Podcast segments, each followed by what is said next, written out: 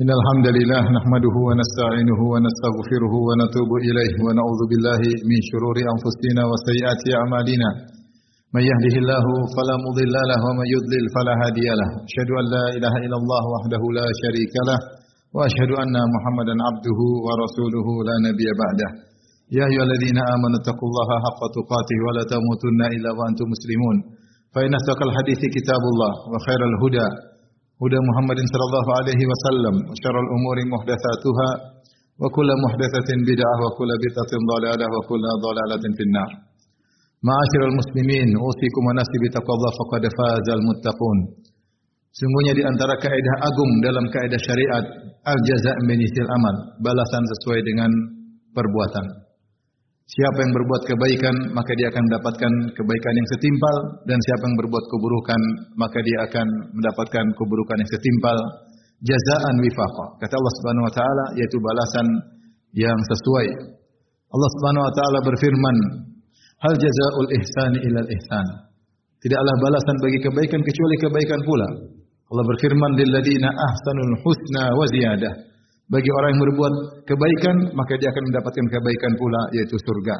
Semakana akibatul lilladina asa'u su'a. Dan kemudian balasan bagi orang yang berbuat keburukan adalah keburukan pula. Kayak ini, dalilnya terlalu banyak dalam Al-Quran maupun dalam hadis-hadis Nabi Shallallahu Alaihi Wasallam. Siapa yang melakukan kebaikan, bagi dia kebaikan pula. Dan siapa yang melakukan keburukan, maka bagi dia keburukan pula dan ini menunjukkan akan keadilan Allah Subhanahu wa taala. Ma'asyiral muslimin, siapa yang menghayati kaidah ini, maka dia akan semangat melakukan kebaikan-kebaikan. Karena kebaikan yang dia lakukan akan dia raih di dunia dan juga di akhirat. Dan siapa yang menghayati kaidah ini, maka dia akan berhenti dari banyak keburukan. Karena keburukan yang dia lakukan, dia akan mendapatkan balasan setimpal cepat atau lambat di dunia maupun di akhirat.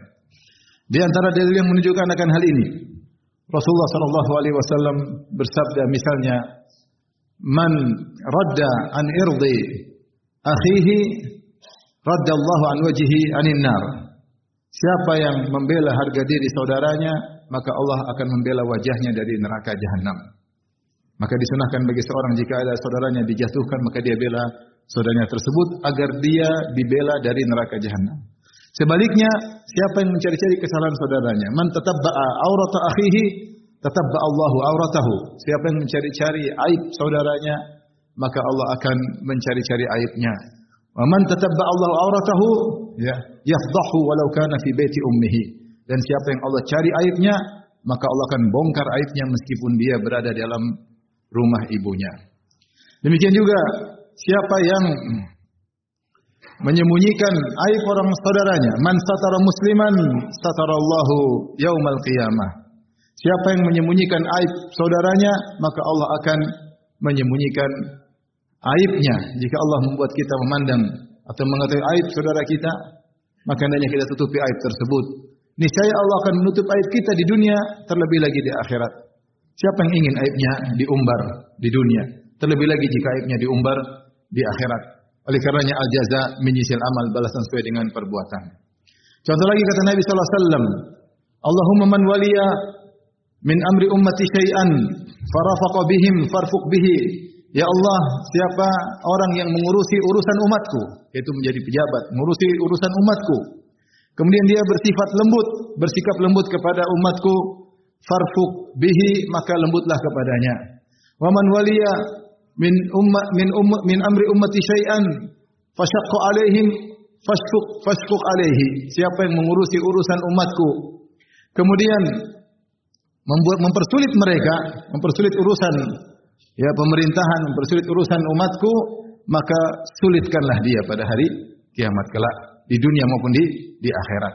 Maka ini peringatan bagi orang-orang yang bekerja di ya pegawai negeri yang mengurusi urusan umat, urusan masyarakat, maka bersikaplah baik dan lembut, niscaya Allah akan beri kebaikan kepada Anda. Jika Anda melakukan sikap yang kasar, niscaya Allah akan membuat susah Anda di dunia, terlebih lagi di akhirat, cepat atau lambat.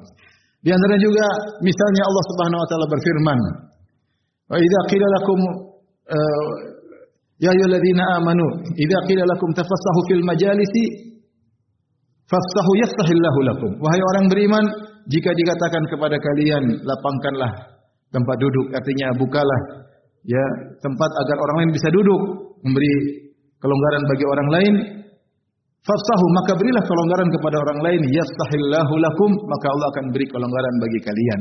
Siapa yang beri kelonggaran pada orang lain, Allah akan beri kelonggaran baginya. Ada yang mengatakan di dunia akan diberi kelonggaran oleh Allah, di alam barzah akan diberi kelonggaran bagi Allah dari Allah Subhanahu wa taala dan di akhirat juga diberi surga yang lapang dari Allah Subhanahu wa taala. Mudah jika tempat sudah padat kemudian ada orang ingin duduk dan masih ada tempat yang lapang maka kita beri tempat tersebut untuk dia. Kita tidak sombong dan angkuh tidak ingin orang duduk di samping kita. Tapi kita buka tempat untuknya. Maka akan mendapatkan pahala yang besar di sisi Allah Subhanahu wa taala.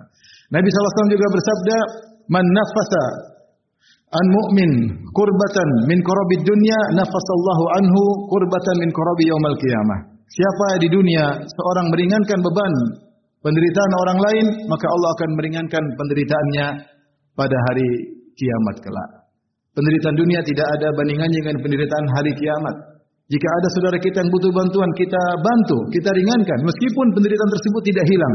Sekedar kita hilang, kita ringankan penderitaannya, maka pada hari kiamat kelak Allah akan meringankan penderitaan kita di hari yang sangat dahsyat. Sebaliknya, siapa yang mendolimi orang lain, maka dia akan kesulitan pada hari kiamat kelak.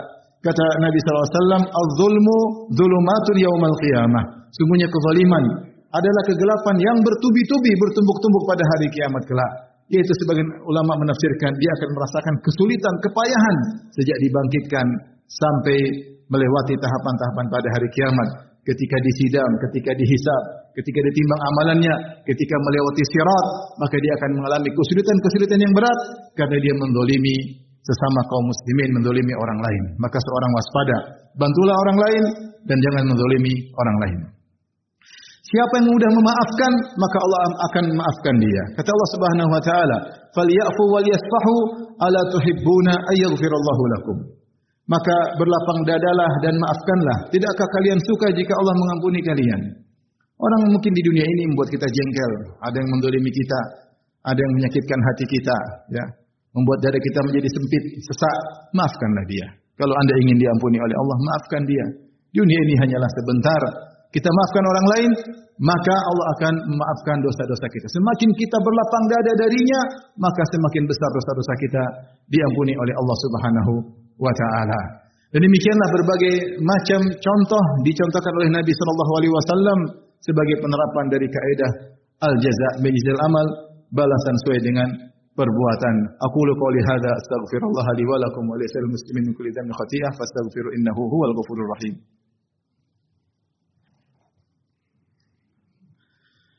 الحمد لله على إحسانه وشكر له على توفيقه وامتنانه أشهد أن لا إله إلا الله له لا شريك له تعظيما لشأنه وأشهد أن محمدا عبده ورسوله داعي إلى رضوانه اللهم صل عليه وعلى آله وأصحابه وإخوانه Di antaranya Nabi SAW mengatakan man tawadhu'a lillah rafa'ahullah. Siapa yang tawadhu ya, karena Allah Subhanahu wa taala rendah hati di hadapan manusia yang lain maka Allah angkat dia ya Allah akan muliakan dia di dunia dan juga di akhirat ya.